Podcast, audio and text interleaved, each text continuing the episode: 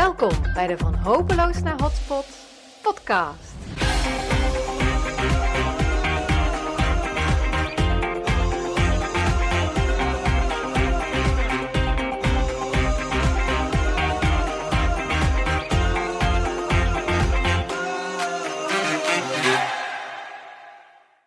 Hoi en welkom bij weer een nieuwe aflevering van de Van Hopeloos naar Hotspot podcast.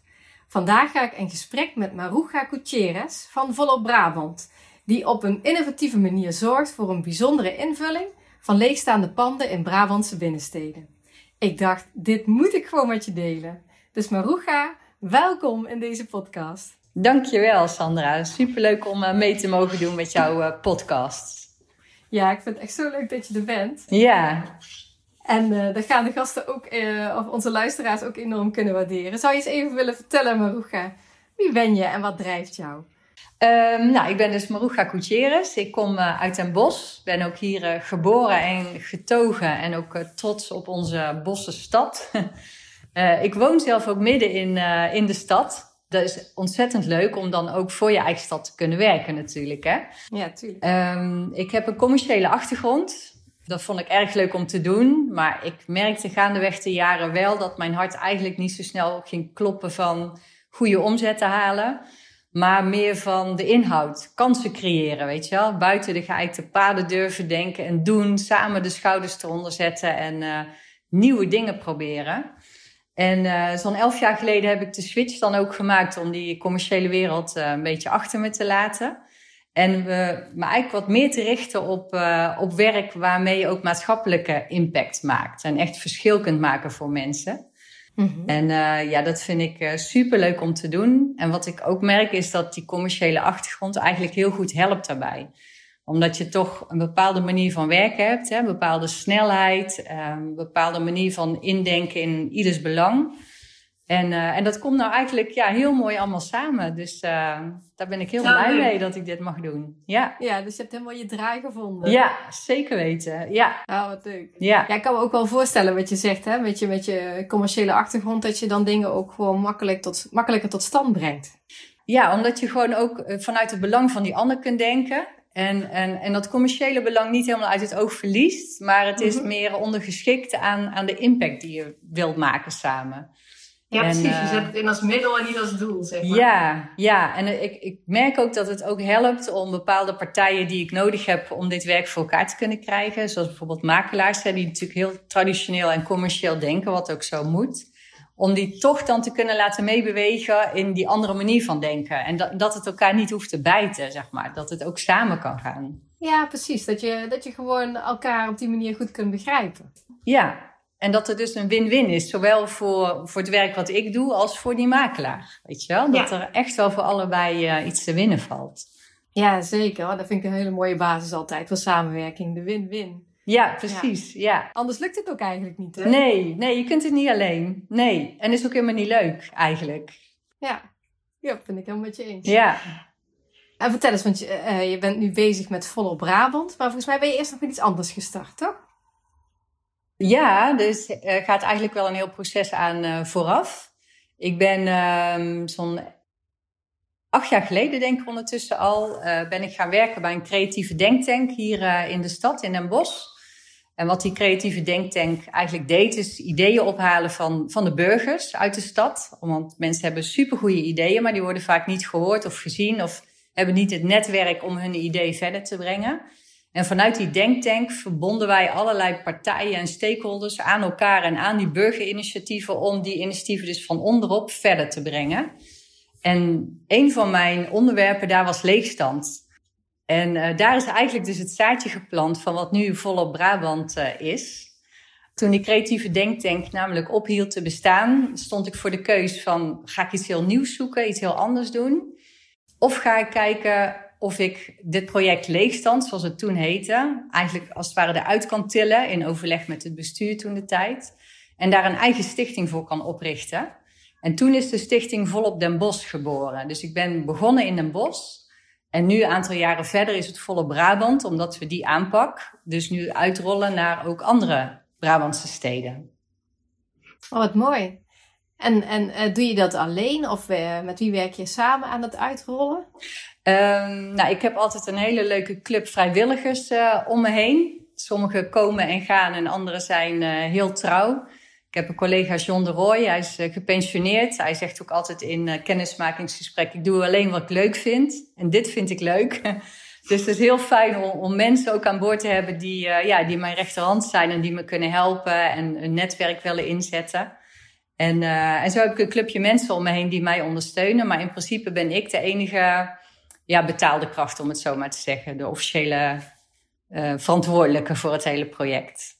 Ja, precies. En je weet dan mensen enthousiast te maken om jou te helpen. Ja, ja, die het ook leuk vinden om te doen. Ja, ja. ja. En vertel ons eens, wat doet Volop Brabant precies? Um, nou, de kern van wat we doen is, um, ik, ik vertelde al, hè, ik woon in een bos, dus uh, ik fietste heel vaak door de stad en ik zag eigenlijk steeds meer leegstand ontstaan. Zeker een aantal jaren geleden ging dat ineens heel erg snel. Toen werkte ik dus bij die creatieve denktank. En toen sprak ik zoveel mensen met goede ideeën, iedere dag weer. Maar allemaal mensen die eigenlijk het geld niet hadden om te zeggen van... nou, dit is zo'n mooi idee, ik ga een pand huren midden op de markt in een bos... en ik ga dat eens aan het publiek, publiek laten zien. Het zijn ook eigenlijk twee heel verschillende werelden. Hè? Die, die vastgoedwereld, wat traditioneler, wat meer natuurlijk gericht... Hè? of gestuurd door de economie en door het geld... En de wereld van de creatievelingen, de kunstenaars, de sociaal-maatschappelijke projecten de start-ups, jonge mensen met nieuwe concepten, nieuwe ideeën, die eigenlijk gewoon helemaal niet zichtbaar zijn in de stad. En hun ideeën bloeden ook vaak dood, doordat ze gewoonweg niet het podium krijgen om, uh, om te experimenteren en door te ontwikkelen. Dus het idee achter Volop is eigenlijk die twee werelden aan elkaar verbinden en dus kijken wat daaruit ontstaat. En dat heb ik dus, uh, ben ik dus gaan doen nog vanuit die creatieve denktank. En wat Volop nu doet, is dus lokale initiatieven ophalen die mensen begeleiden in het, uh, hun dromen zeg maar, op papier zetten. En samen met hen te gaan kijken van waar zou jouw concept nou het beste passen in jouw eigen stad. Uh, dan gaan wij als volop in contact met de makelaar, met de pandeigenaar. We gaan proberen een afspraak te maken, tot elkaar te komen. Hè. Dus heel belangrijk dat, dat mensen elkaar ook leren kennen en ook vertrouwen hebben in elkaars concept uh, en in volop. En wij gaan dus kijken of zo'n initiatief, zolang het pand leeg staat, dat pand mag gebruiken. En soms is dat tegen gebruikleenkosten, dus betalen ze alleen gas, licht en water. En soms, eh, omdat zij ook bijvoorbeeld een start-up zijn en daar ook geld gaan genereren, zegt zo'n eigenaar van nou, pand kost eigenlijk uh, eh, 2000 euro. Jullie mogen bij wijze van spreken voor 500 euro starten. En dan gaan we om het half jaar met elkaar aan tafel om te kijken van hè, hoe is het rendement? Kun je meer huur betalen? En zo kunnen dus lokale initiatieven doorgroeien, ook naar een structureel karakter. En dus ook bijdragen aan hun eigen stad. Dat is eigenlijk het idee daarachter. Ja, supermooi. En, en wat voor lokale initiatieven kan ik dan aan denken? Heel veel verschillende soorten, maar ik kan ze eigenlijk een beetje onderverdelen in drie categorieën. Um, dan kun je denken aan maatschappelijke projecten, maatschappelijk uh, sociale projecten of initiatieven. Je kunt denken aan, culturele en kunstgerelateerde initiatieven, zoals bijvoorbeeld kunstenaars. Uh, en ook startende ondernemers, dus de start-ups. Maar het leuke is dat in de praktijk zie je dus vaak dat het een mix is van die drie aspecten bij elkaar. En, en dat vind ik persoonlijk, dat maakt het zo leuk om bij een volop initiatief binnen te stappen. Want je stapt eigenlijk niet in een echte winkel binnen. Het is ook niet echt een, een atelier. Uh, maar er is van alles te zien en, en te beleven. Heel vaak brengen die initiatieven ook ambachten terug in het straatbeeld. Nou, een initiatief wat nu ook nog steeds open is in een bos op het Hintermarijn, dat heet de Boel Bazaar. En uh, boel in de bedoeling ook van er is een boel te beleven. Het is ook echt B-O-E-L. En boel is eigenlijk een community van kleine uh, zelfstandige, creatieve mensen. Die bij wijze van spreken op hun zolderkamer of in de garage prachtige dingen maken, producten maken maar die helemaal niet zichtbaar zijn. En dus ook niet het geld hebben om een pand te huren om daar echt een boterham aan te verdienen. Nou, en Boel is een community waar je dus als kleine zelfstandige bij kunt aansluiten. Ze hebben een heel groot pand van meer dan 400 vierkante meter.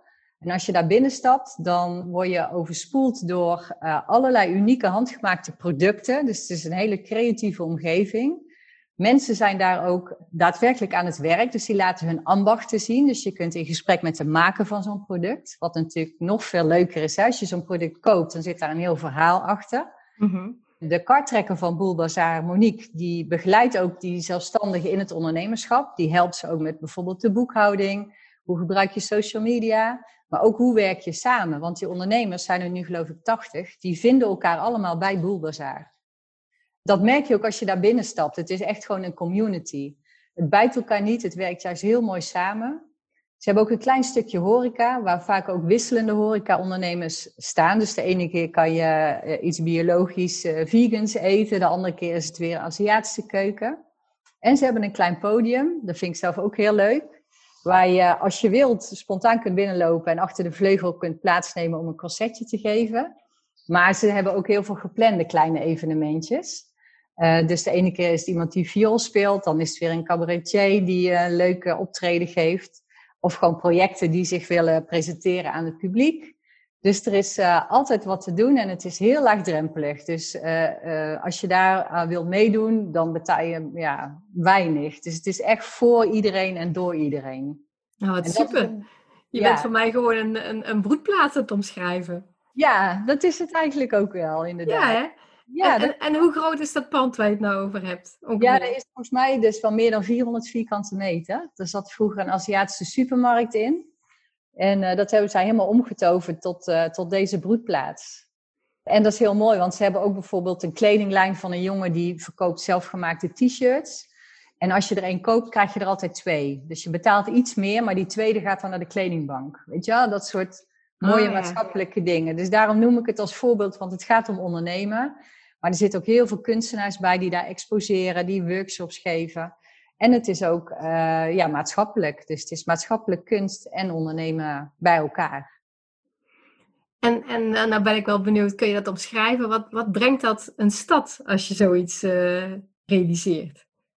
Heel veel, want ik denk uh, zelf, en de kranten staan er ook vol van, en er zijn heel veel onderzoeken naar de, de functie hè, van de binnenstad. Vroeger ging je naar de stad voor een spijkerbroek of een koffiezetapparaat. Tegenwoordig doen heel veel mensen, ook ik, dat voor een heel groot deel online. Dus je moet, als je als stad toekomstbestendig wilt zijn, echt kijken van wat, wat zoekt nou vooral ook die nieuwe generatie in een stad. Dus als je als stad alleen maar een verzamelplek bent van traditionele winkelconcepten, denk ik dat je het heel, heel zwaar gaat krijgen.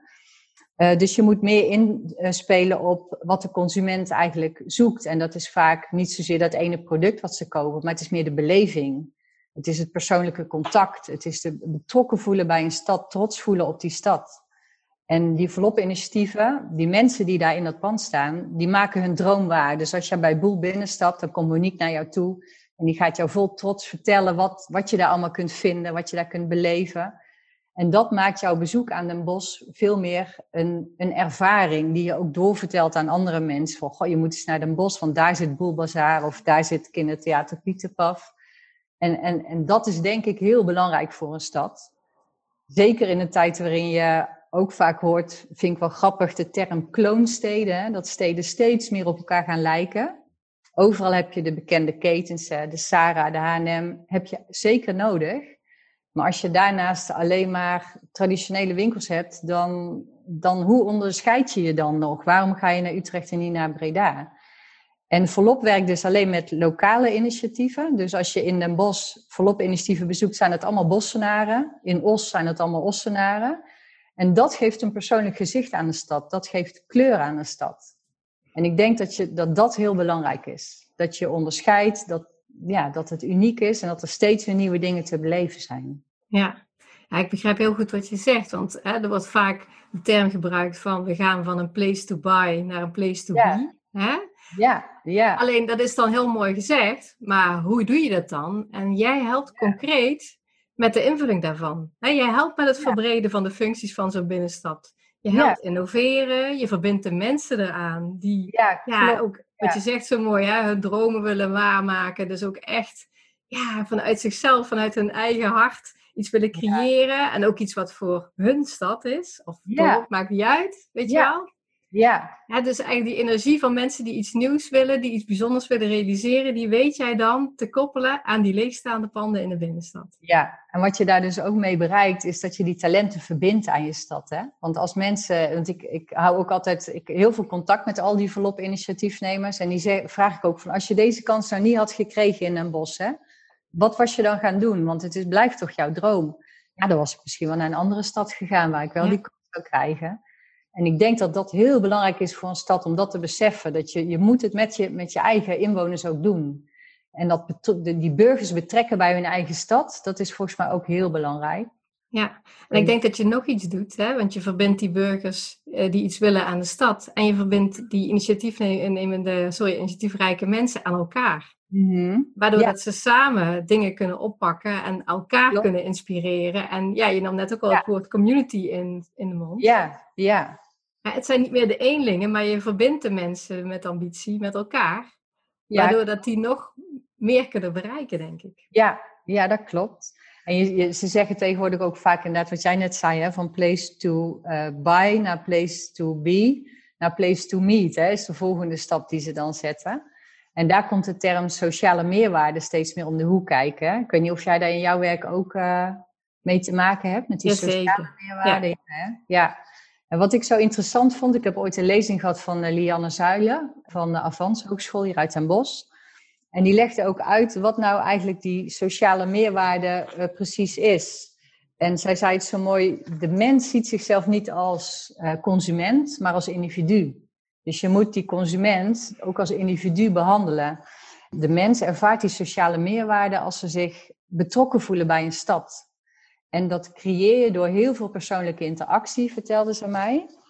En mensen willen ook concepten bezoeken waar een bepaalde betekenis achter zit. Want heel veel mensen zeggen sociale meerwaarde.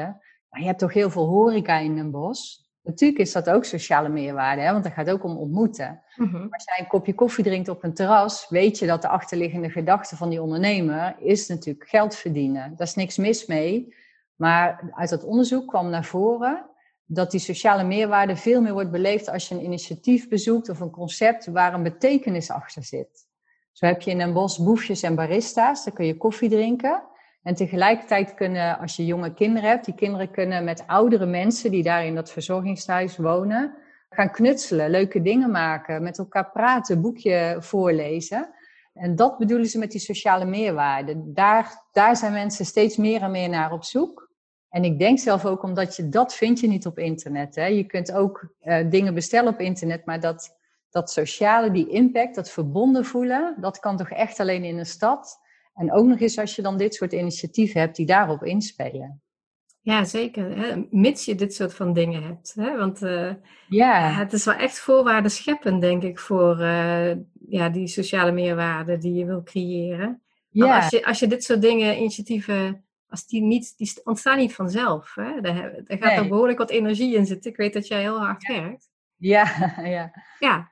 Ja, dus het ontstaat niet vanzelf. Maar het is, het is iets waar mensen uh, waarschijnlijk onbewust ook wel naar op zoek zijn, denk ik. Ja, dat denk ik vaak ook inderdaad onbewust. Dat ze het niet zozeer in de gaten hebben. Maar ik denk als je als stad daarop vooruit loopt en dat dus gaat bieden, dat mensen echt een reden hebben. Je moet ze een reden bieden om naar jouw stad te komen. En als het gewoon een fijne plek is om te verblijven. Er is van alles te zien en te beleven. En we hebben ooit een heel mooi initiatief naast de H&M hier gehad in Den Bosch. Het was een soort pop-up gallery waar om de zes weken nieuwe kunstenaars... die eigenlijk een beetje tussen het wal en het schip vielen. Die waren te goed voor de amateur en nog niet goed genoeg voor de professionele kunstwereld. Die exposeerden daar. En uh, Charlon was de karttrekker. Die deed dat ook heel goed. Iedere zes weken een nieuwe opening. En de kunstenaars waren zelf ook aanwezig. Dus bij wijze van spreken ben je met je dochter bij de H&M geweest en je denkt, hé, hey, wat gebeurt hier? Er staat iemand te werken. Hier kan je ook even een kopje koffie pakken. En dan stap je daar binnen, dan bewonder je kunst, heb je een gesprek met die kunstenaar en dan ga je weer door. En dat maakt volgens mij jouw dag ook compleet. En dat besef je denk ik pas als je thuis bent en je denkt, oh, dat was eigenlijk heel leuk. Ik heb echt dingen gezien waarvan ik van tevoren niet wist dat ik die zou gaan zien. Ja, ik kan me voorstellen, ja. Ja, en dan moet je inderdaad, daar, loop je je dan ook bij uit. Dat is niet iets waar je dan uh, doelgericht of zo. Misschien in de vervolgstap wel, dat je denkt van, god ja, dat is wel leuk. Ben kijken, hè, toen was daar die leuke opening, eens kijken wat, wat er nou weer te beleven is. Uh, ja. Precies, en dan moet je denk hebben dat mensen om die reden ook graag terugkomen. Ja, ja. En uh, je bent in meerdere binnensteden actief, hè? Ja, klopt. Ja. Vertel eens, waar ben je allemaal bezig? Uh, nou, we zijn uh, vorig jaar, begin vorig jaar gestart in uh, Waalwijk. Daar heb je nu volop Waalwijk. De projectleider daar is Marlene Drouwen. Zij is ook centrummanager in Waalwijk. Dat was een hele leuke samenwerking. En uh, vanuit Volop ben ik dan een jaar lang daar bij haar aanwezig om samen het fundament te leggen van wat is nou Volop. Want Volop is niet alleen zij of ik, dat is het hele team van makelaars, pandeigenaren, initiatieven, gemeenten. Dat is denk ik ook wel voor een groot deel waarom Volop werkt, omdat je de stad eh, een soort van gezamenlijke verantwoordelijkheid maakt. En niet alleen van die ene pandeigenaar of van die ene ondernemer, maar je moet het echt samen doen. En bij Volop komen al die mensen bij elkaar, zeg maar. En in uh, Waalwijk hebben we ook een heel mooi initiatief in een pand van meer dan 700 vierkante meter, midden op het Raadhuisplein. En dat heet het GMHK, het uh, Museum voor Hedendaagse Kunst. Daar hebben we acht Waalwijkse kunstenaars zitten daarin. In een leeftijd van 24 tot 84. Dus er zijn ook nog verschillende generaties die daar uh, zitten. Oh ja. Ja, dat is echt heel leuk. Verbinden echt... van generaties ook dan, hè? Ook nog, ja. ja. En verschillende disciplines van kunst. En ik moet je zeggen, daar ben ik ook super trots op. Het is aan een hele leuke club uh, mensen, die kunstenaars. Ze hebben vooral heel veel lol samen. dat is ook heel belangrijk. Als je daar binnen stapt, dan voel je dat ook, dat ze daar met plezier staan.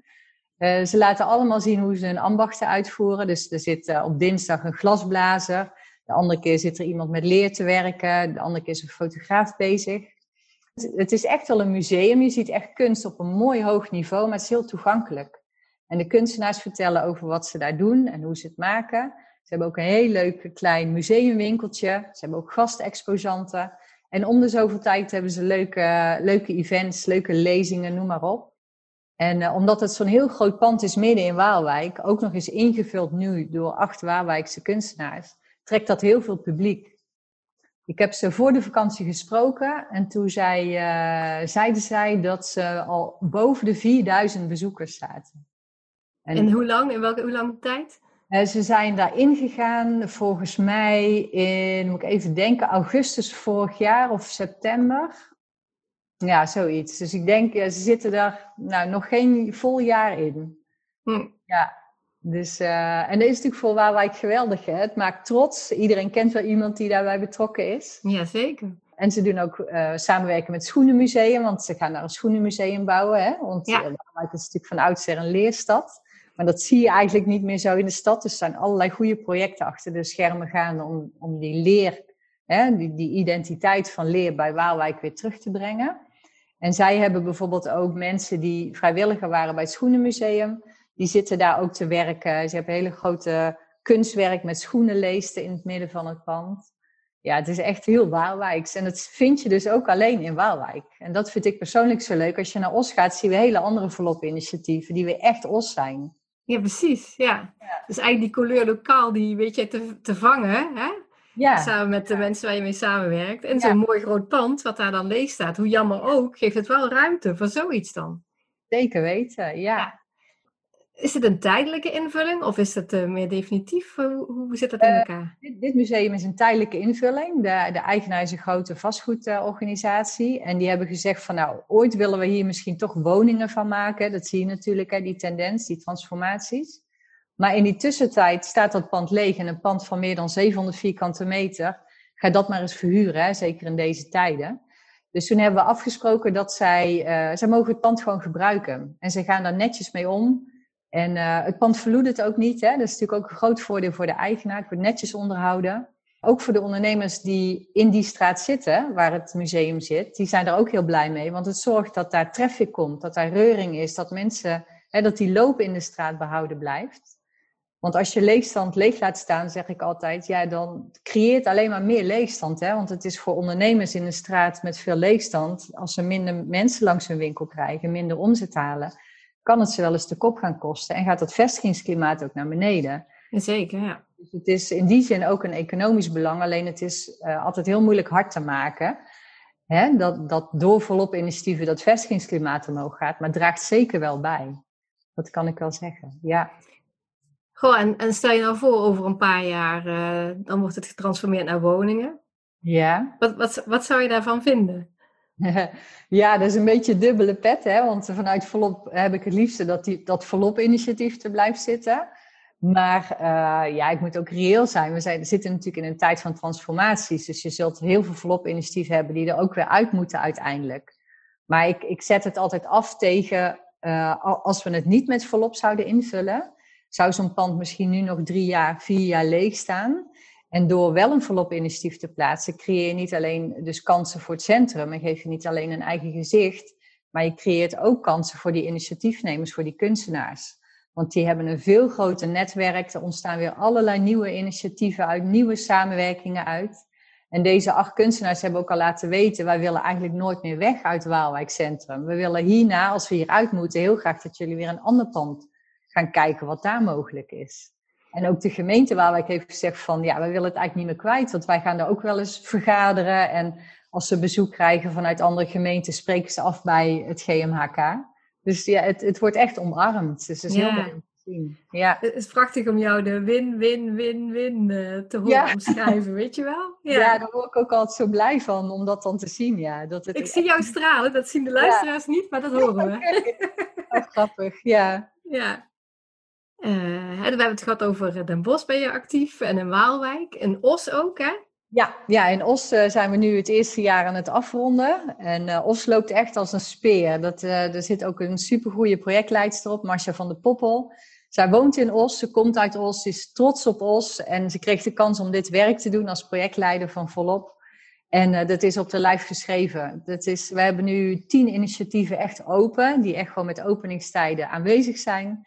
En uh, zou ook laatst, ik loop nog trotser door Os dan ik al liep. Omdat ik ben gewoon zelf mee deze stad aan het vormgeven.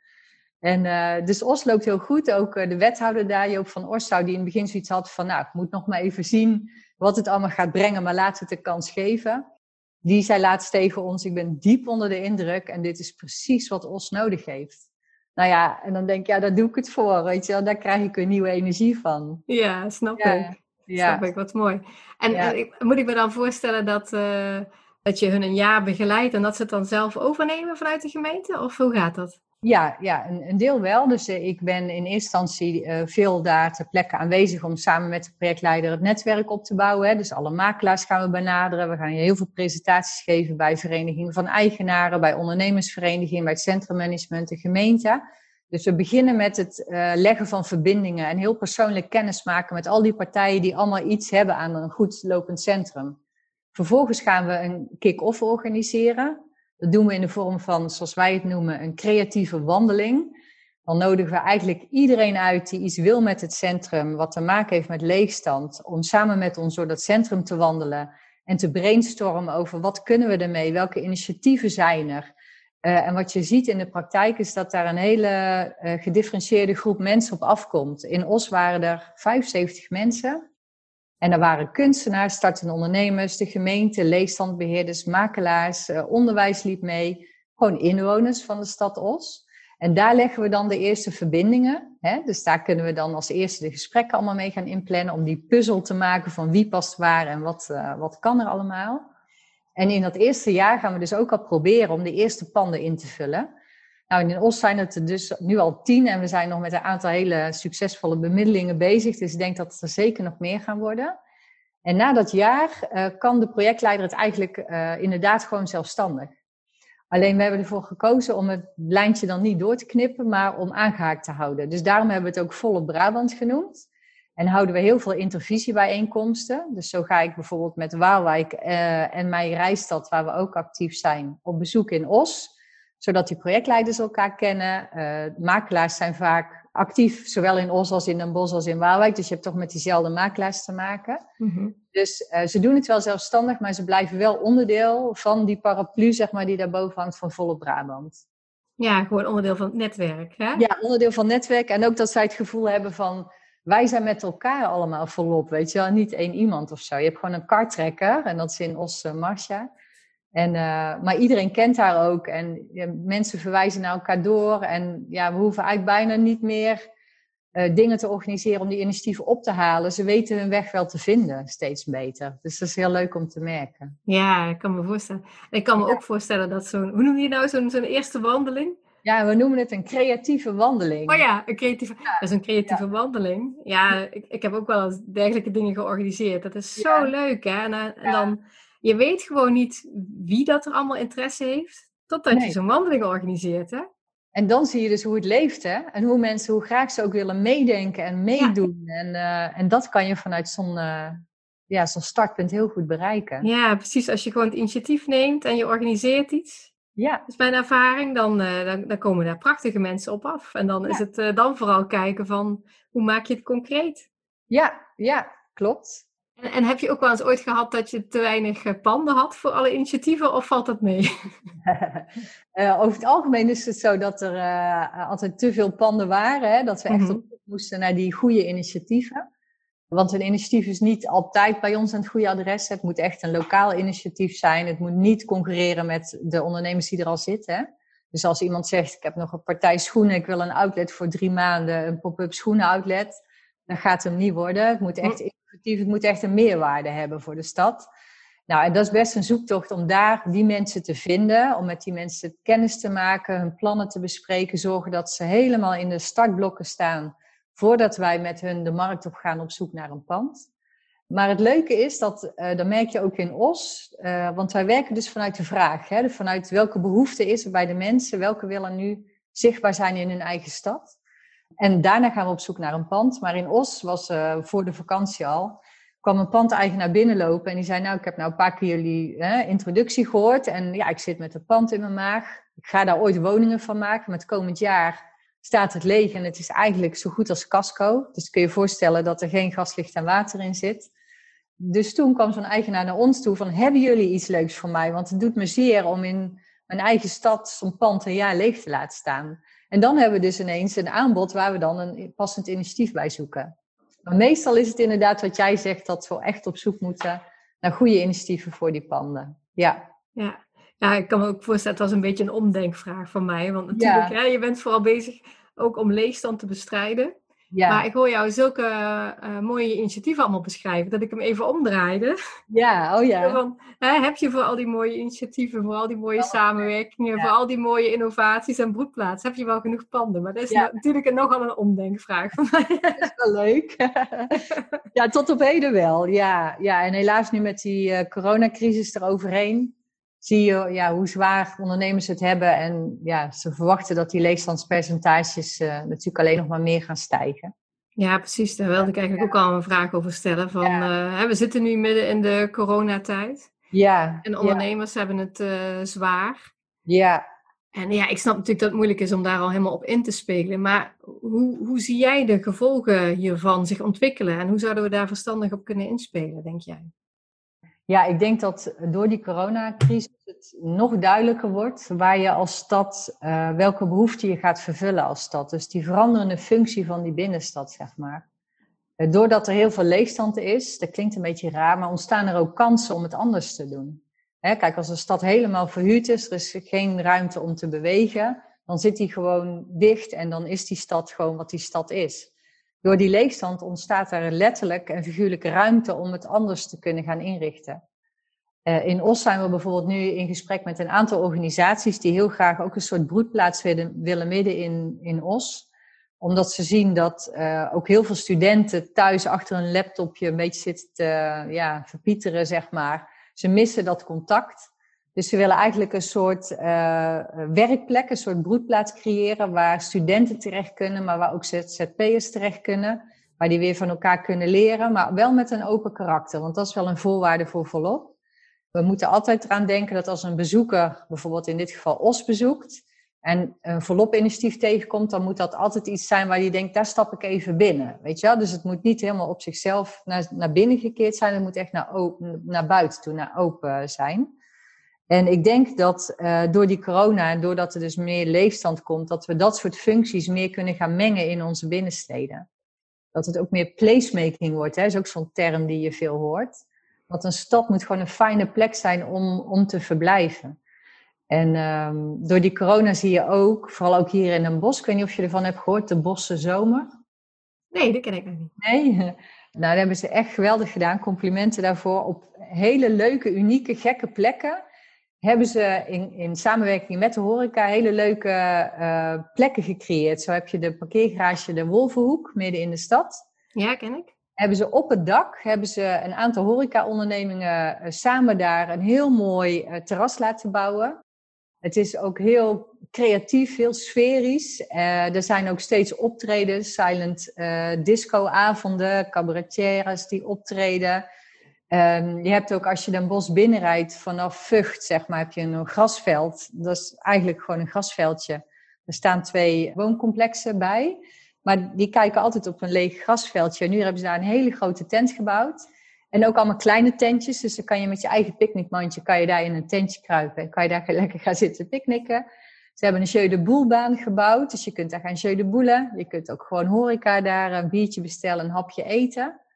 En dat denk ik dat die corona ook met ons heeft gedaan. We zijn meer naar buiten gegaan. We zijn meer met andere ogen naar die buitenruimte gaan kijken. Mhm. en, en, nogmaals, dan komt dus placemaking om de hoek kijken van hoe richt je het nou in dat het een fijne plek is om te verblijven met elkaar. In plaats van dat we niet die auto vooraan in de straat willen hebben. Nee, we willen een ruimte om gezellig samen te zijn.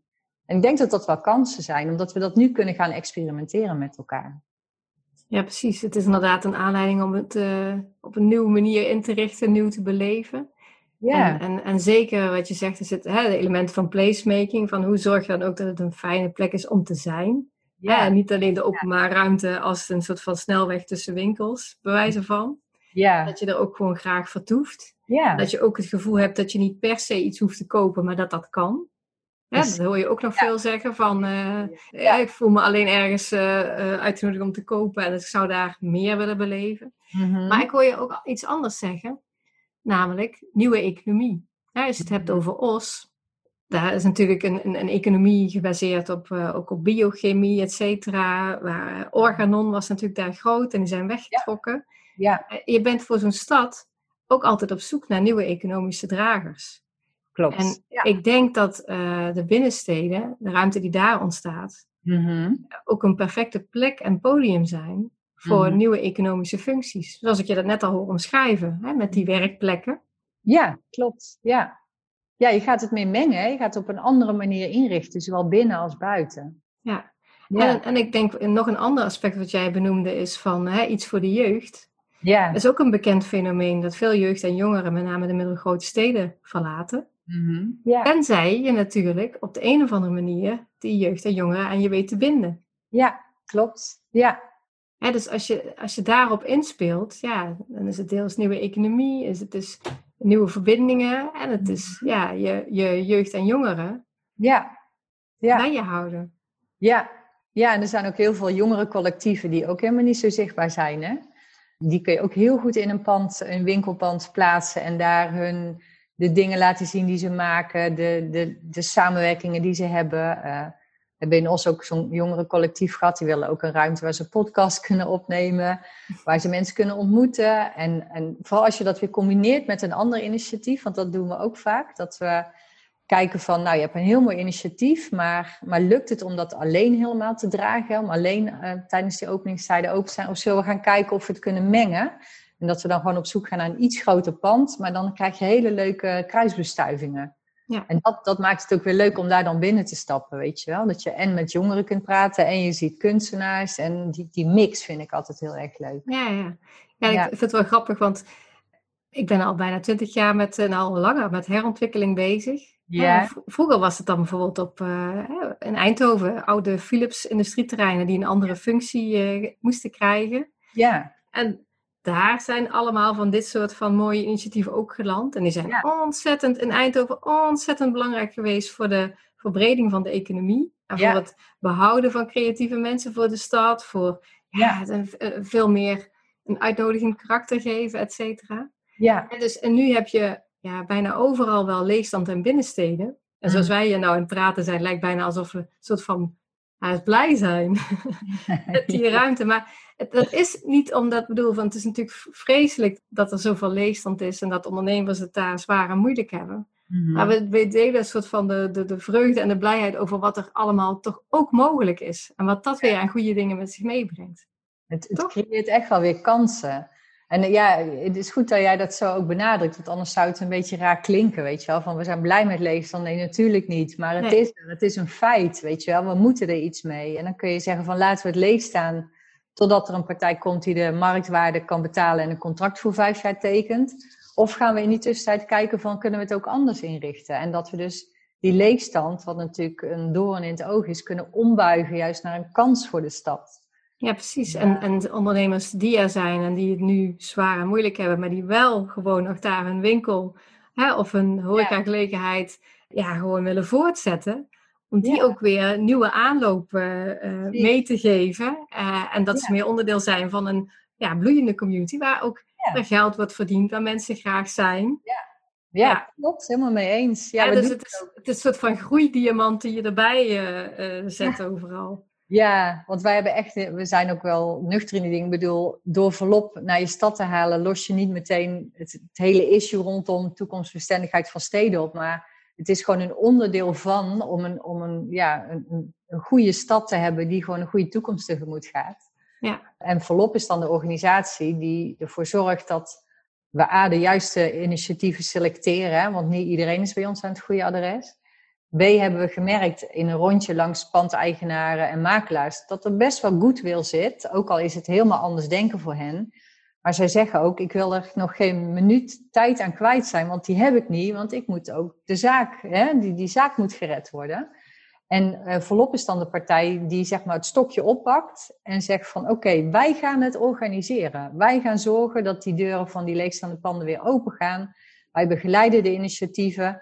We kunnen zo'n pandeigenaar ook ontzorgen door een leegstandsbeheerder, bijvoorbeeld GAP bij te halen. Daar werken we heel veel mee samen, ze een hele fijne partij. Dus wij zijn de, degene die ontzorgen, die organiseren, die zorgen dat het echt gebeurt. En ik denk dat iedere stad, uh, ja, dat het in iedere stad ook zou kunnen. Dat iedereen best wel wil meewerken, zeker als ze het verhaal helemaal goed uitgelegd krijgen en snappen. Maar er moet wel iemand zijn die opstaat en zegt: Oké, dan ga ik het organiseren. En zolang die niet is, blijft het allemaal een beetje hangen, zeg maar. Dan komt het niet echt tot stand. Ja, het valt of staat bij ondernemerschap. Ja, klopt. Ja, ja is altijd. En, maar het is heel fijn dat je dat ondernemerschap van mensen vleugels kunt geven door wat je allemaal al aan kennis en ervaring hebt opgedaan.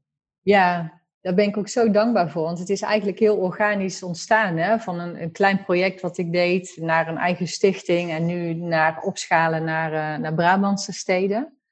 Uh, ja, dat is gewoon heel mooi om dat te kunnen brengen en dat samen te kunnen doen.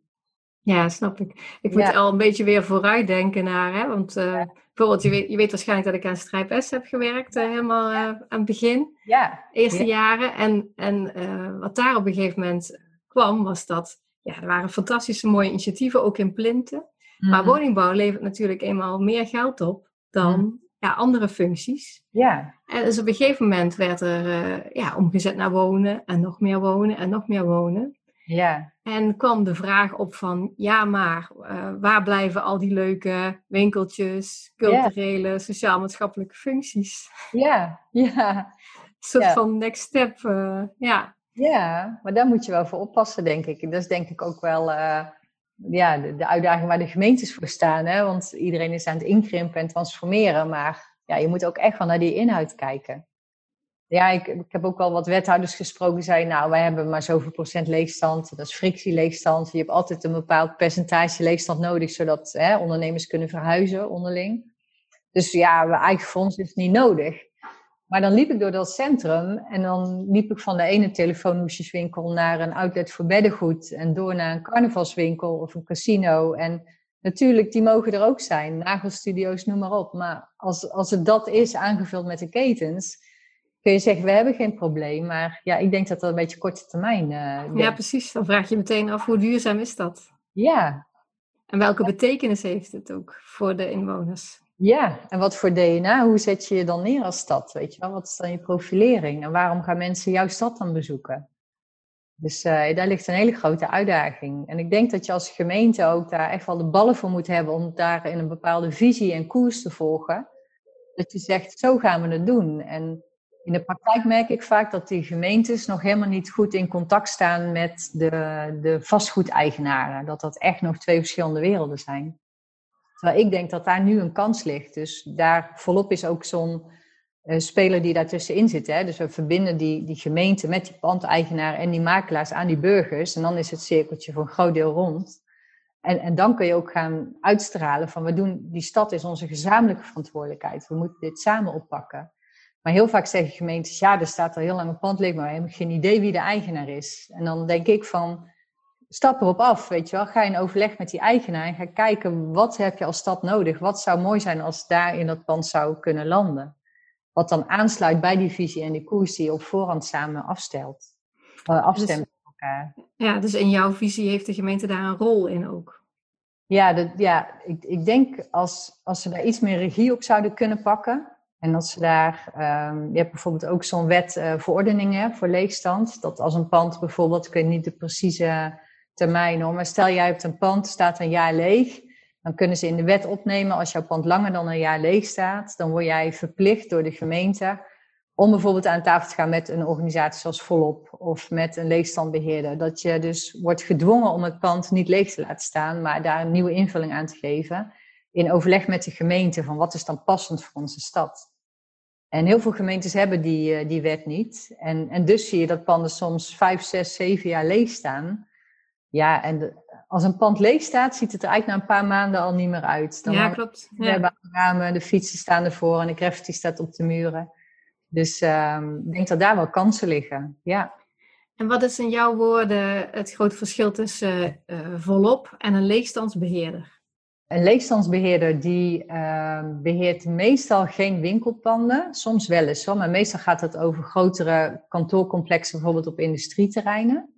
Maar stel dat ze wel een winkelpand hebben, uh, je kunt je bij een, uh, een leegstandbeheerder inschrijven. Dat je zegt van nou, ik heb een initiatief en ik zoek ruimte. En dan bellen ze jou en dan kijken ze of jij daar kunt landen.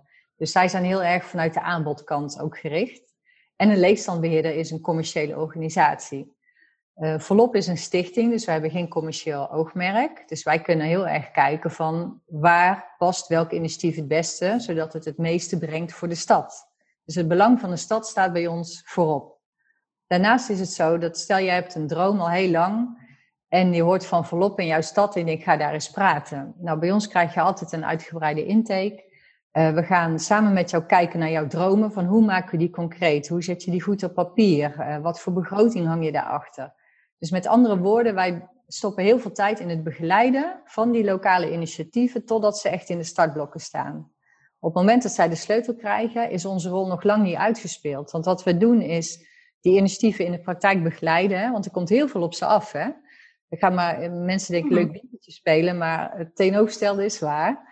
Uh, dus uh, social media, de juiste uh, media-aandacht. We verbinden al die volop initiatieven aan de ondernemers die al in die straat gevestigd zijn, zodat ze met elkaar optrekken om samen leuke dingen te organiseren.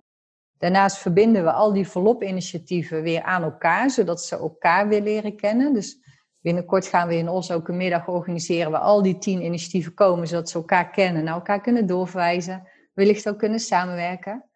En, en dat is denk ik in een, ja, in een notendop het verschil met de leegstandbeheerder. Die kijken meer naar hoeveel vierkante meter heb ik, wie past daar en tekenen contract en dat is het.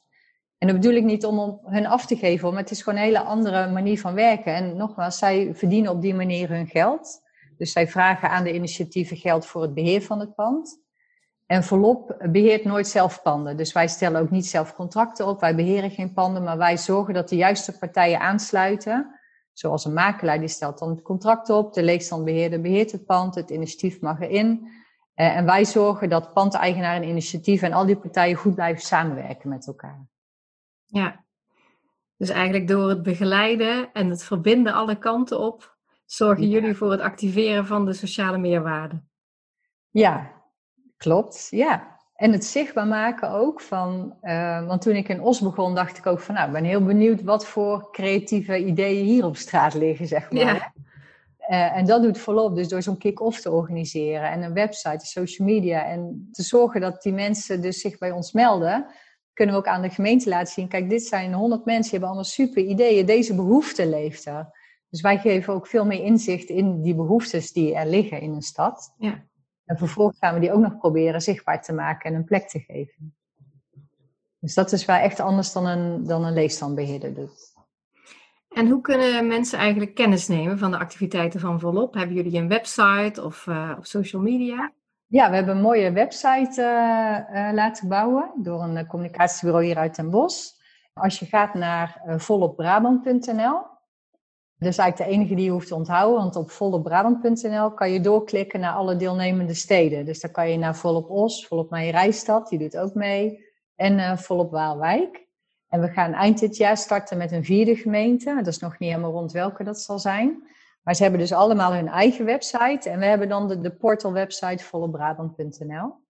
En natuurlijk op social media, hè, op Facebook en Instagram en LinkedIn uh, kan je ze allemaal vinden. En dan kan je ook de initiatieven zien. En, uh, dus ik zou zeggen, ga je een keer een dagje naar Os of een van deze steden, kijk even op volop.nl. Voor de bijzondere dingetjes, ja. ja. Dat je denkt van, ah, dat vind ik echt leuk om eens een keer dan te praten met zo iemand of zo. Uh, wat, wat dat ook betekent voor zo'n persoon die die kans krijgt om in zo'n pand midden in zijn eigen stad te zitten. Dat is echt heel leuk om te horen. Ja, dat kan ik me helemaal voorstellen, ja. Ja. ja. En, en is er ook iets wat je hebt meegemaakt dat je denkt van nou, dat viel nou zo enorm tegen, dat ga ik niet meer doen? uh, vast wel. Nou, weet je, ja, het klinkt raar, maar het werk is, is wel heel intensief, maar het is ontzettend leuk om hè, dat creëren van kansen, daar haal ik dan mijn energie uit. Als ik terugkijk, denk ik wel eens, het is maar goed dat ik het van tevoren allemaal niet wist, want toen ik begon, toen ik zeg maar los van die creatieve denktank op eigen benen wilde gaan staan, hè, met mijn eigen stichting Volop den Bos, heb ik natuurlijk een plan moeten maken. Dan ben ik mee naar de gemeente gegaan, naar de ondernemersvereniging, naar de vereniging van eigenaren. Van jongens, willen jullie mij steunen financieel om dit de komende drie jaar hier in Den Bos te blijven doen? Ik dacht van nou, dan heb ik in een paar maanden, moet dat toch wel lukken om daar duidelijkheid over te krijgen. Nou, uiteindelijk ben ik daar denk ik wel ruim een jaar, anderhalf jaar mee bezig geweest om al die neuzen dezelfde kant op te krijgen, maar om uiteindelijk ook die financiële steun te krijgen om het werk te kunnen doen. Dus ik heb in, in die periode heel veel, zelf ook als vrijwilliger, eigenlijk voor mijn eigen stichting uh, gewerkt. Omdat wij nogmaals met het werk wat we doen, geen inkomsten genereren. Dus we zijn echt afhankelijk dan van steun van die partijen die belang hebben bij het werk wat wij doen voor hun stad. En dat was wel echt vallen en opstaan, moet ik eerlijk zeggen hoor. Dat heeft wel wat slapeloze nachten gekost. Dat ik denk van, ja, ik moet toch wel betaald werk gaan vinden. Maar ik geloofde hier zo in dat ik dacht, ik hou vol. Ik ben er bijna, ik ben er bijna. Maar achteraf duurde het eigenlijk heel erg lang. Ja. Dus als ik het op voorhand had geweten, had, had ik het misschien wel helemaal niet gedaan. En achteraf ben ik nu blij dat ik het wel heb gedaan. Want nu heb ik gewoon zo'n leuke baan waar ik zoveel mee kan betekenen voor mensen. Dat ik blij ben dat ik het toen niet van tevoren wist, zeg maar. Ja, precies. Ja, dat is meer achteraf. En, En, van, en, van, wie krijg je dan zoal uh, financiële steun? Toen in de tijd hier in een bos was dat vanuit de gemeente. Mm was vanuit het SOG, het SOCH, dat is zeg maar de ondernemersvereniging. En we hadden ook een aantal kleine lokale fondsen die vooral die maatschappelijke impact heel belangrijk vonden. Daar kregen we ook wat geld uh, van. En daar hebben we toen uh, ja, al die jaren volop de bos uh, mee gedraaid. Ja, en nu? En nu is de constructie anders, omdat um, wij worden zeg maar nu ingehuurd door de gemeentes die mee willen doen. Hè? Dus bijvoorbeeld de Os en Waalwijk en Meijerijstad. Uh, en als dadelijk de vierde gemeente er is geweest, dan stopt zeg maar het pilotproject. Want in het pilotproject is het zo dat de provincie het ondersteunt. Dus die zorgt ervoor dat die andere gemeenten zeg maar ons kunnen inhuren. En dat wij daar heel volop aan gaan uitrollen. Dus niet alleen inwerken, maar ook een website en zorgen dat het fundament er ligt. Het netwerk waar zij zelf weer mee verder kunnen. En na die vierde gemeente gaan we dus kijken van kunnen we echt op eigen benen staan? Op wat voor manier kunnen wij nu ervoor zorgen dat gemeentes ons wellicht rechtstreeks kunnen gaan inhuren in plaats van via de constructie via de provincie. Mhm. Het is gewoon een hele grote testcase al heel veel jaren, zeg maar. Het vallen en opstaan. Maar uh, ja, het werkt wel. Je moet wel volhouden, maar het werkt wel. Ja, ja. vol, volhouden met volop. Maar ja, volop volhouden. Ja, maar ik kan me voorstellen dat je, dat je nu gewoon zoveel hebt om te laten zien. Ja, ja heel veel. Je ja. hebt gewoon echt heel veel om te laten zien. En het is ook, denk ik, iets wat enorm in een behoefte voorziet. Dus ik heb daar heel veel vertrouwen. Ik heb daar alle vertrouwen in. Volop vertrouwen. Ja. Oh, wat mooi. Ja, ja joh. Ik vind het echt heel, uh, heel bijzonder wat jullie doen. En uh, ja, ik ga, zeker, ik ga ook zeker jouw tip te harte nemen van hè, ga je winkelen in Os. Kijk van tevoren even welke, hè, naast de gewone winkels die je wel verwacht aan te treffen, maar ja. Os zit blijkbaar volop bijzondere initiatieven. En welke zijn dat dan? Hé, hey, en dan ga ik daar ook kijken, weet je wel? In Os zit ook een keramiste waar je ook binnen kunt lopen voor workshops. We hebben laatst ook een jongen gehad die, uh, die zit in het straattheater. Die doet vooral optredens uh, bij uh, festivals. Nou, je kunt je voorstellen dat dat natuurlijk helemaal heel zijn kaarthuis instortte door die corona. Ja. En zijn vrouw zit in de horeca, dus nou, er was echt wel even paniek in de tent. Toen zijn we met hem een aantal gesprekken aangegaan en nu zit hij midden in Os in een eigen winkelpandje. En wat je daar dus kunt zien is hoe hij zijn eigen pakken maakt. Want hij, hij, uh, hij heeft een hele leuke act waarin hij in een heel groot roze gorilla pak zeg maar, door de stad loopt. Echt als een gorilla, je schiet je rot. en, uh, je, hij maakt al zijn pakken zelf en dat doet hij dus in dat pand. Dus je kunt hem daar aan het werk zien. Hij geeft daar ook workshops. Hij, hij leidt andere straattheatermakers leidt hij op. En het leuke is dat hij nu regelmatig dus denkt van... oh, ik ga even een rondje lopen door de stad als roze gorilla. Of als stoneman heeft hij ook. Ik was er al bang voor, ja. Ja, hij heeft van alles. En uh, ja, en de, dat is gewoon echt heel leuk. Dus je, als je tien initiatieven in Os bezoekt, zijn ze ook alle tien anders. Dus ja, echt, ja dat is echt een aanrader. Ja, leuk, superleuk. Want heb jij zelf wel eens um, uh, in jouw netwerk organisaties gehad die ook zoiets doen als wat volop doet? Of is het toch iedere keer net weer wat anders? Nou, nee, kijk, ik heb zelf heel vaak een beetje gedaan wat volop doet. Hè? Dus dan was er weer een, een leegstaande plek of gebied. Ja. En ik denk dan altijd van ja, dat biedt ook weer ruimte voor innovatie. Ja. En uh, laten we nou kijken welke, welke behoeftes er allemaal zijn. En mm. gewoon ook iets organiseren. Dus in die zin is het heel erg vergelijkbaar. Ja. ik heb het dan vanuit de gemeente gedaan. Dus van ja. Uh, gewoon de behoeftepijlen, iets organiseren, workshops of een rondleiding waar partijen dan op afkwamen. Mm. En dan vervolgens uh, uh, daarmee van onderop een gebiedsontwikkeling laden. Want ik hou er niet van om gebiedsontwikkelingen alleen te zien als een soort van gebouwde verdienmodellen. Dat vind ik echt vreselijk. Ja. Want dan krijg je nooit een ziel erin. Ja, dan heb je een soort van verzameling van ja, uh, werkunits en winkelunits en woonunits. En dat is het dan. Het is wel een gedachte, hè? Ja. Ja, dat is, dat is zo vanuit een, een tekentafel gedacht. Ja. Ik, ik weet hè, uh, inmiddels dat ja, als je echt iets van, van onderop organiseert, dat het dan een bezieling krijgt. Dat mensen er inderdaad hun dromen waarmaken, hun vleugels uitslaan. Ook, hè, je had net het woord start-up in de mond. Ja. ja hoeveel start-ups zijn er niet begonnen op Strijp S en inmiddels gegroeid, gegroeid, telkens daar verhuisd en dan op een gegeven moment zelfs ja, een, een plek daarbuiten moeten zoeken omdat ze uit hun jasje ja, groeien. Geweldig. Dus, ja, die ja, dat, dat, ja, dat is geweldig voor hun, maar dat is ook geweldig voor een stad qua economische ontwikkeling, cultureel, sociaal, noem het maar op. Ja. Dus in die zin vind ik het heel vergelijkbaar. En ik vind het ook, het doet me ook wel denken aan het verhaal van Geert Simonis. Ja. ja de manier waarop hij broedplaatsen ontwikkelt en hoe hij dat ook ja. doet op zo'n mensgerichte manier. Ja. Ja. ja. Helemaal mee eens. Ja, vooral die ziel. Hè? Want je voelt het ook, vind ik zelf ook, als je een winkel binnenstapt je voelt gewoon een bepaalde sfeer. Hè? En, en als die klopt, zeg maar, als, die, ja, wat je zegt, als er een ziel in zit, dan voel je daar ook prettig. En dan blijf je daar ook langer. En als Ja. het echt gericht is ja, op, die, op die verkoop en het is zo ingedeeld vanuit, ja, gedacht vanuit die euro's en die stenen, is het een hele andere energie die daar hangt. Ja, en Ja. Ik, ik, haast me dan altijd om erbij te zeggen van, het is voor mij de NN. Hè, Ja, want als er heel veel bezieling in zit, maar je merkt gewoon aan alle kanten, er wordt geen geld verdiend, het is sappelen tot de macht 10, zeg maar. Ja. Dan, dan, dan voelt het ook niet goed. Het is allebei. Het is de juiste balans hè, daartussen. Ja. Klopt. Ja, ja, Hetzelfde als van, ik ben natuurlijk bouwkundig eh, ingenieur, ben ik opgeleid. ja, En op een gegeven moment heb ik gedacht van, ja, maar waarom gaat eigenlijk al die gesprekken over gebiedsontwikkeling vooral over de hardware, over de stenen, ja. over de contracten, over waar er geparkeerd moet worden, over de bestemmingsplanprocedures. Terwijl, ja, dat is wel belangrijk, maar het gaat er vooral om dat zo'n gebied ook weer opnieuw van betekenis wordt voor mensen. Precies. En hoe je dat dan voor elkaar? Dat ja, de, gewoon de hele de software en, en hoe.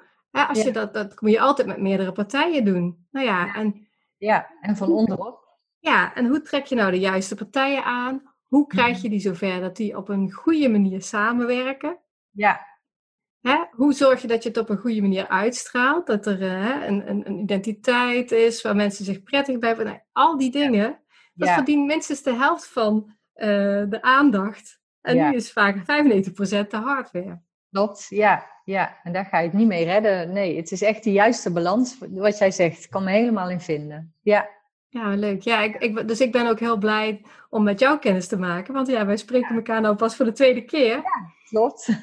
En ik denk dan van ja, het is gewoon ontzettend fijn hoeveel kennis en ervaring dat je er mee hebt opgebouwd. Ja. En, en bewijsmateriaal van, hè? Moet je kijken wat het allemaal oplevert. Ja. En ik, en, en ik ben natuurlijk alweer verder in denken van, oh, en, en, en waar kan het nog meer ingezet worden? En hoe kan het ook, ja, ja uh, wat jij doet, dat moet ook gewoon zichzelf kunnen bedruipen, zeg maar. Dat moet niet in de vorm van een stichting hoeven. Ja, ja, klopt. Dat is onze volgende uitdaging. Hè? Van als we nu dadelijk die vierde gemeente hebben gedaan, dan kan je laten zien wat het, wat het doet. En uh, ja, dan is dat uh, inderdaad waar we voor staan. Ja. ja. Ja, nou. Ik ben ook wel bezig met leuke trajecten. Dat is misschien ook wel leuk om te vertellen via Z en Sterk Brabant. Dat zijn twee organisaties die zijn uh, gelineerd aan de provincie.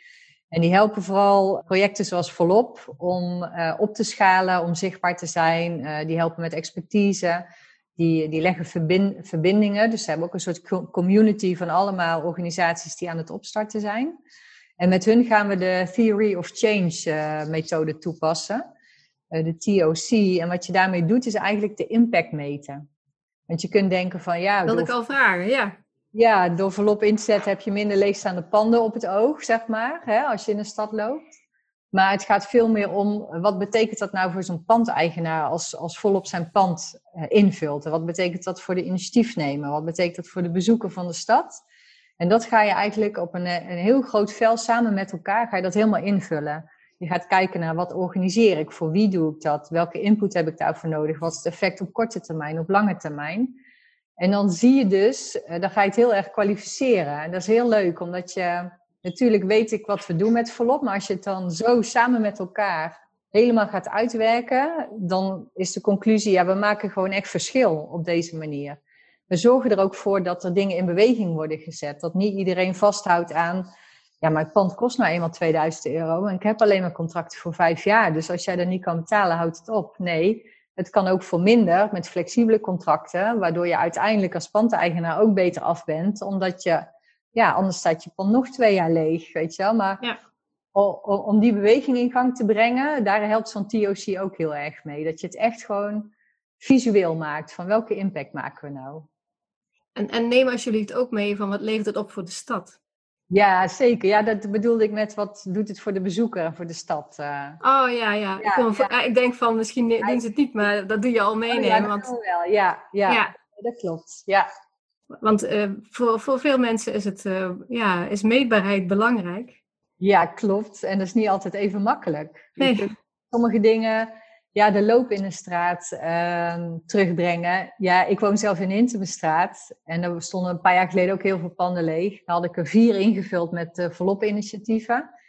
Eentje ook met een soort tweedehands kledingwinkel waar ook de kledingbank bij aangesloten zat. Waar ook mensen die onder de armoedegrens leven en moesten solliciteren gratis helemaal worden aangekleed om goed op sollicitatiegesprek te gaan. Mhm. Dat zijn leuke dingen. En uh, nog, uh, nog uh, de nieuwe winkel was ook een heel leuke soort nieuwe concept store. Wat toen nog eigenlijk, ja, nog, wat je nog niet zo heel veel zag. Nou, zo nog meer. En iedere keer als ik door die Hintempstraat fietste, zag ik de reuring die zij brachten. Bankjes die werden buiten gezet, kop koffie die ze bij elkaar dronken, de fietsen die er stonden als er dan een evenementje was, allemaal jeugd die daarop afkwam. Maar ja, ga dan maar eens meten, weet je wel. Dat is echt heel lastig om dat hard te maken. En, uh, en dat hoop ik met zo'n TOC, uh, ja, dat, dat, dat ik dat toch wat meer kan aantonen om te laten zien van, uh, dit, dit is het effect. En ik kan ook, um, ik hou ook altijd bij van hoeveel initiatieven plaatsen we, hoeveel vierkante meter vullen we daardoor in, hoeveel mensen zijn direct betrokken en zijn indirect betrokken. Want bijvoorbeeld zo'n Charlon, waar ik je net over vertelde, die dan exposities organiseert om de zes weken het is een initiatief voor één iemand, voor hem. Maar in die acht maanden dat hij daar zat, heeft hij misschien wel tachtig kunstenaars een podium geboden. Weet je wel? Dus dat zijn de indirect betrokken mensen. En zo meten we eigenlijk ook zoveel mogelijk kwantitatief wat, wat het effect ervan is. En die combinatie tussen kwantitatief en kwalitatief kan dan een heel goed beeld geven. Uh, en daar kwam ook uit, en dat wilde ik zeggen, dat in 95% van de gevallen als een initiatief eruit moet uit een pand van volop, dat dat was omdat het pand verhuurd was. En nou kan ik natuurlijk nooit hard maken dat dat komt omdat er al die tijd een mooie initiatief in zat. Maar je kunt er best wel een conclusie uittrekken dat een pand makkelijker verhuurt als het gewoon op een goede manier wordt gebruikt dan dat het jaren leeg staat. Ja, dat bedoel, dat is bij een woning ook al zo, hè? Ja, hè? Ja. Ja, probeer een woning te verkopen die jaren leeg staat. Ja, ja, Dat is heel lastig. Iedereen denkt, er is iets mee. eh, hè? Ook dat, ja. Ja. Maar gewoon, ik kan me voorstellen, ik bedoel, er zijn hele rapporten volgeschreven door eh, eh, de retailconsulenten, waarin de loop in straten toch ook wel gewoon is gekwantificeerd. Mhm. Je zegt van, hoe verbeeld ik nou dat er reuring is? Ja. Ja, Dat zijn gewoon ook de, passant. de passantenstromen. Ja, alleen ik bedoel meer van hoe kan ik nou aantonen dat dat komt omdat er volop initiatieven bij zitten. Het is heel moeilijk te zeggen, jij komt wel door volop en jij niet, weet je wel? Ja, maar misschien, ja, dat snap, ik snap dat je dat zegt, maar eh, ik kan me voorstellen dat toen in de Hinthamerstraat die, die panden leeg stonden, Ja, op datum, eh, weet ik veel, 2018, dat ja, er toen minder passantenstromen waren dan dat het er nu zijn. ja, ja. Ja, daarom zeg ik al, je kunt daar echt wel conclusies uit trekken. Alleen het echt heel hard maken, dat is altijd moeilijk met dit soort dingen. Hè? Ja, dat is wel moeilijk, maar het is wel goed om het gewoon in beeld te brengen. Ja, En, en gewoon te zeggen van, nou ja, hè, hard maar weer niet, maar je rolt bij wijze van spreken zo je rol uit van dit is wat er allemaal is, vooral, hè, wat er is gebeurd. ja, klopt. En dan mag de ander de conclusie eraan verbinden, of die, daar, eh, Ja. of die dat waardevol vindt. Ja. Ja. Ja, dat is waar. Ja. Ja, dus ik ben nou heel dankbaar dat ik dat in samenwerking nu met de provincie ook in andere steden kan laten zien. Ja. Dan, eh, ja, dan kun je steeds meer eh, een soort van bewijzen. Hè? Van kijk jongens, dit werkt. Dit is ook echt wat, wat de toekomst vraagt. We moeten gewoon meebewegen. Ja, en dat een plek maken voor iedereen, weet je wel. Dat je ook, eh, als je bij Starbucks koffie gaat drinken, dat is niet voor iedereen te betalen, weet je wel. Hadden hier in een bos, dat zit er nu niet meer, in de Pastoor de Kroonstraat, ook een heel mooi initiatief. Waar ook kleine theatertjes, eh, optredens waren, waar je ook voor een paar euro of een paar cent koffie dan kon drinken. Als ondersteuning voor de tijd dat je daar dan verblijft natuurlijk in het pand. En eh, ook eh, poëzieavonden, discussieavonden, weet je wel. Daar kwamen echt heel veel mensen op af. En, en vaak ook wel mensen die, ja, die wat minder makkelijk mee kunnen in, ja, wat ik al zeg, de Starbucks en, en de dure merkkleding. Ja. Dus het moet voor iedereen een fijne plek worden. Dus- Ja, zeker. En, en wat ik nog wilde zeggen, kijk, je weet, ik ben strategisch adviseur voor de provincie Noord-Brabant. En ik weet dat voor hun die sociale meerwaarde ook een heel belangrijk aspect is. ja, Dus eh, Ja. jij bent blij met de provincie Noord-Brabant omdat zij het mogelijk maken om te, hè? Zo Ja. te zien wat er mogelijk is. ja, Voor de provincie is het ook weer heel erg eh, belangrijke input. Om te laten Ja. zien, kijk, dit kan er. Hè? Dus als je het hebt over een win-win, die zit ook daar. ja, zeker. Ja, het is gewoon een andere manier denken. En, en, en door een organisatie als Volop dan op te zetten die het ook echt gaat doen, kun je het ook niet alleen bij anders denken laten, maar je kunt het ook anders doen, weet je wel. Ja, precies. Gaat maar doen. Gelukkig ja. Ja, ja. Denken is heel mooi, maar eh, pas Ja. het eh, hè, gevolgd wordt door actie, dan gebeurt er ook echt wat. Ja, precies. En wij zijn natuurlijk maar een kleine organisatie, maar daardoor zijn we wel heel laagdrempelig en, en kunnen we heel snel schakelen. En eh, dat krijg ik ook vaak terug van, oh, maar oh, dus, hè, gaat volgende week hier al iets starten, weet je wel. Dat kan allemaal heel snel gaan. Ja, precies. Ja, niet, niet moeilijk doen, maar gewoon, hè? Gewoon doen samen. gewoon doen. Ja. Afspraken maken, ja, vertrouwen hebben en eh, laten zien wat, eh, wat er mogelijk is. Ja. Ja, Net zoals wij nou gewoon samen jouw eerste podcast aan het opnemen zijn. Ja. ja precies. Ja. Ook Ja. gewoon doen. Ja. ja, ook gewoon doen. Ja. En eh, heb jij, dan noemen we die gewoon ook even, heb jij ook een gouden tip voor binnensteden die worstelen met leegstand en neergang? Ehm, ja, waar we net eigenlijk ook al een beetje zeiden. Hè? Ik denk dat eh, hoe moeilijk deze tijden ook zijn, dat, dat het ook kansen creëert. Dat we nu de ruimte hebben ook om het anders te gaan doen. Dus ik zou zeggen, ehm, kijk naar die sociale meerwaarde van je stad. Hoe zet ik die op dit moment neer? Is die sociale meerwaarde te voelen in mijn centrum? En wat mis ik daar nog voor? Is mijn stad een fijne eh, plek om te verblijven? Eh, en vooral mijn gouden tip zou zijn, betrek de burgers erbij. Eh, Erik van Mer de oud-gedeputeerde, die zei: Voor mij is volop het ver- heroveren van de burgers van hun eigen stad. En dat vond ik zo mooi gezegd. Hm.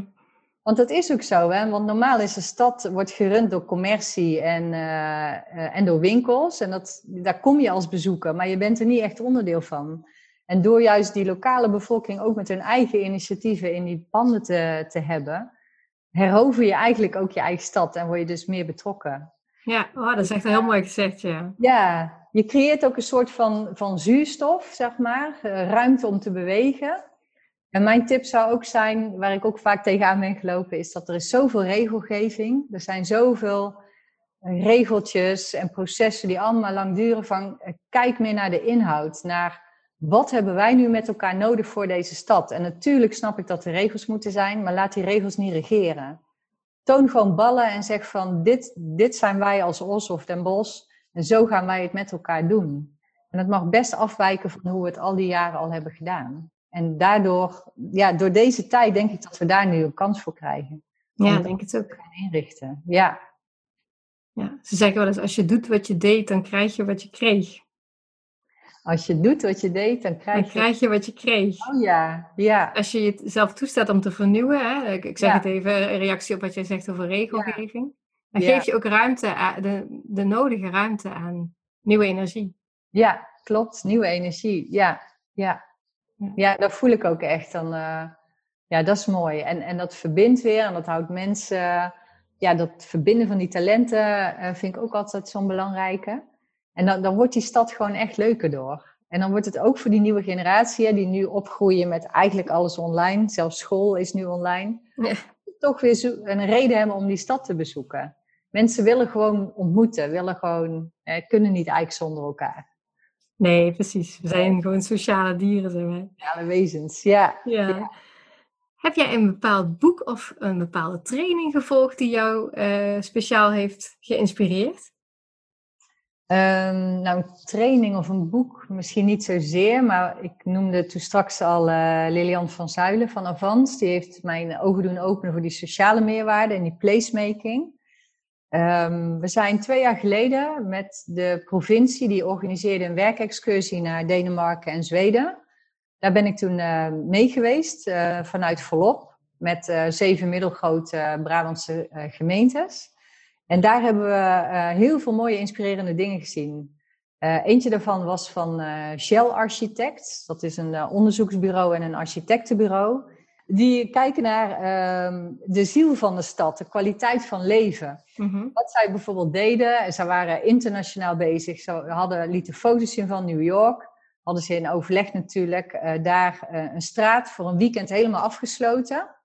Alle parkeerplekken, alle auto's weg. En dan gingen ze met een soort van stoepkrijt eigenlijk die straat helemaal opnieuw indelen. Een soort herbestemmen eigenlijk in het klein. Mm -hmm.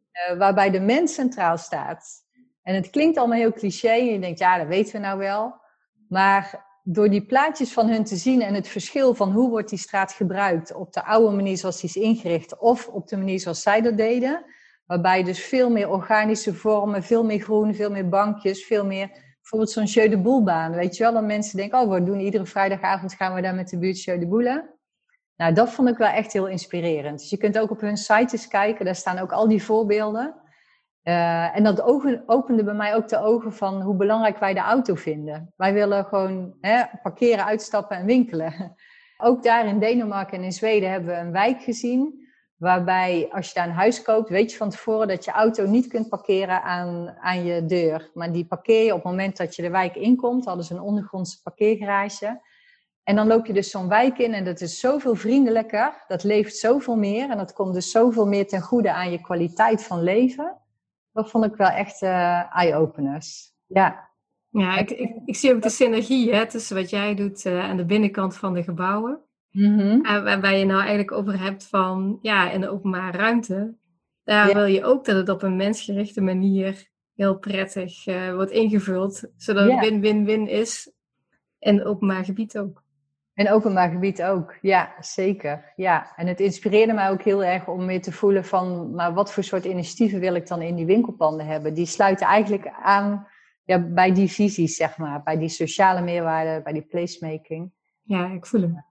Ja, als een hele inspirerende reis. Ja, heel veel gedaan. Hele lange dagen hoor. S ochtends acht uur opstaan en s'avonds elf uur naar bed. Oh, ja. ja we waren allemaal gesloopt, maar we kwamen met zoveel nieuwe inspiratie terug. Dus ja, dat super. Set, uh, van hen. Ja.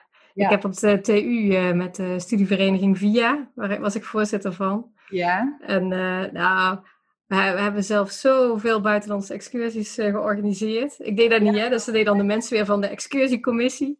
Ja. Ah, fantastisch waar we overal zijn geweest. En inderdaad, lange dagen, veel te veel lopen. Ja, ja. Maar ondertussen, hè, de, ik put daar nog steeds uit. Ik wou Dat, eh, zeggen, ja, je doet daar zoveel inspiratie op, hè. Dat is Ja. eh, En ook de contact, hè, als je zo'n paar dagen met zo'n groep bent. ja verbindt ook. gaat naar je werk. Iedereen zit toch vaak een beetje op zijn eigen eilandje, hè, zijn eigen bubbel. Maar Ja. doordat elkaar kent, pak je veel makkelijker die telefoon en zegt, zullen wij dat samen gaan doen, weet je wel? Ja, ja, ja, natuurlijk. Ja, inderdaad. Dan heb je de kans om elkaar te leren kennen. Ja, ik kan me Ja. voorstellen. Zeker. Ja. Oh, wel leuk. Dus eh, ik vraag om een boek en ik krijg een, eh, een Ja. reis. Ja, leuk. Ja. ja. Superleuk. Nou, Maruga, eh, ontzettend bedankt voor dit mooie interview. Ja, graag gedaan. Jij bedankt. Vond het heel leuk ook om Ja. een keer te doen. Ja. Fijn, fijn. Heel veel succes bij je mooie werk. Ik kom je vast weer tegen. ja, zeker. Ja. En anders kom een keer, dat wil ik ook tegen iedereen die luistert zegt, zeggen. Als je interesse hebt, eh, laat het ons weten. Via de website zie je natuurlijk alle contactgegevens. Want we organiseren vaak ook gewoon een wandeling door Os. En dan nemen we je mee langs al die initiatieven. Of door Waalwijk of Den Bosch, weet je wel. Dus ook voor jou, Sandra, als je zegt, ik vind het toch leuk om een keer die initiatieven te zien. In levende lijf en die mensen te spreken. Dan eh, geef maar een seintje. Dan eh, spreken we dat een keer af. Ja, dat vind ik zeker leuk. Vind ik zeker leuk. Ja. Daar ga ik echt gebruik van maken. Leuk. Hartstikke Afgesproken. Afgesproken. leuk. Doen we. En nu we aan het eind zijn gekomen van deze aflevering van de Van Hopeloos naar Hotspot podcast, ben ik ook heel benieuwd naar de inzichten die jij hebt opgedaan. Ik vind het interessant als je een eh, reactie achterlaat op LinkedIn, Facebook of Instagram. En je mag me ook een persoonlijk bericht sturen of een mailtje naar info@glowingplaces.nl of natuurlijk contact eh, opnemen met Maruga. Je hebt net de uitnodiging gehoord. Maruga, heel erg bedankt voor het gesprek. Luisteraar, heel erg bedankt voor het luisteren. Deel deze podcast gerust met mensen voor wie je denkt dat het interessant is. En als je mij wil aanschieten om te vertellen wie ik toch echt nog meer moet interviewen, dan laat het me weten. Eh, oh ja, en vind je deze podcast die ik voor jou maak waardevol? Dan kun je me helpen door een review achter te laten. Dat gaat eigenlijk heel eenvoudig door in je podcast-app te scrollen naar review en daar een beoordeling achter te laten. Bijvoorbeeld vijf sterren natuurlijk. Eh, zo kunnen meer mensen de Van Hopeloos naar Hotspot podcast vinden en er hun voordeel mee doen. Over twee weken staat er weer een nieuwe aflevering voor je klaar. Dus tot de volgende keer. Stay tuned! Música